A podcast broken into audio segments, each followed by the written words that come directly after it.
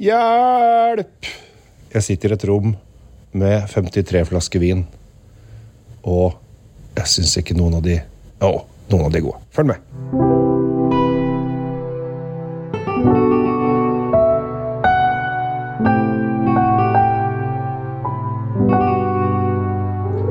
Hjertelig velkommen til en ny episode av Kjell Svinkjeller. Nå er jeg på et eh, kontor eh, hos eh, Kongelig Norsk Vinmonopol med Harald Rex i spissen.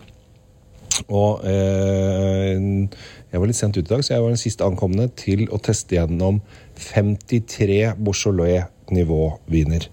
Og for dere som ikke vet hva Beaujolais-nivåviner er, så er det årets franske ferskvin fra Beaujolais. Disse er høsta i september og bare pressa kjapt gjennom. Og vips, så er det, er vin. Jeg kom til halvveis. Jeg er på vin nummer 25, og jeg må si at uh, det, det er noen som er der. Noen, av- noen er faktisk ganske ok. Uh, vi diskuterte det akkurat med de som, uh, de som var her før nå, og de sa det at det var mye som var dritt, men også mye som er decent. Så, så dette her er veldig gøy. Men det er veldig mye litt sånn surlig, syrlig, noe sånn bananpreg, og så er det litt sånn lett. Det går veldig fort igjennom. Så målet er nå å komme i mål. Eh, Jeg kom akkurat på en liten eh, gjeng her fra eh, Dupont, som jeg syns var ganske decent. Ellers så har det vært mye opp og ned.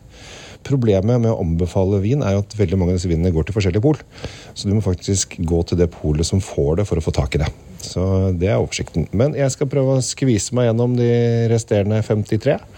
Så vi se hvordan det går på dagens utforsking. Men i deg i dag, når denne episoden kom ut, som er dagen, så da løp på polet og se hva ditt pol har fått tak i, og kjøp gjerne en par forskjellige flasker og test ut med venner og kjente. Det er moro, det er useriøst, og det er gøy. Ikke ta dette her som noen stor tungvin, men ta det som lek. Takk for nå.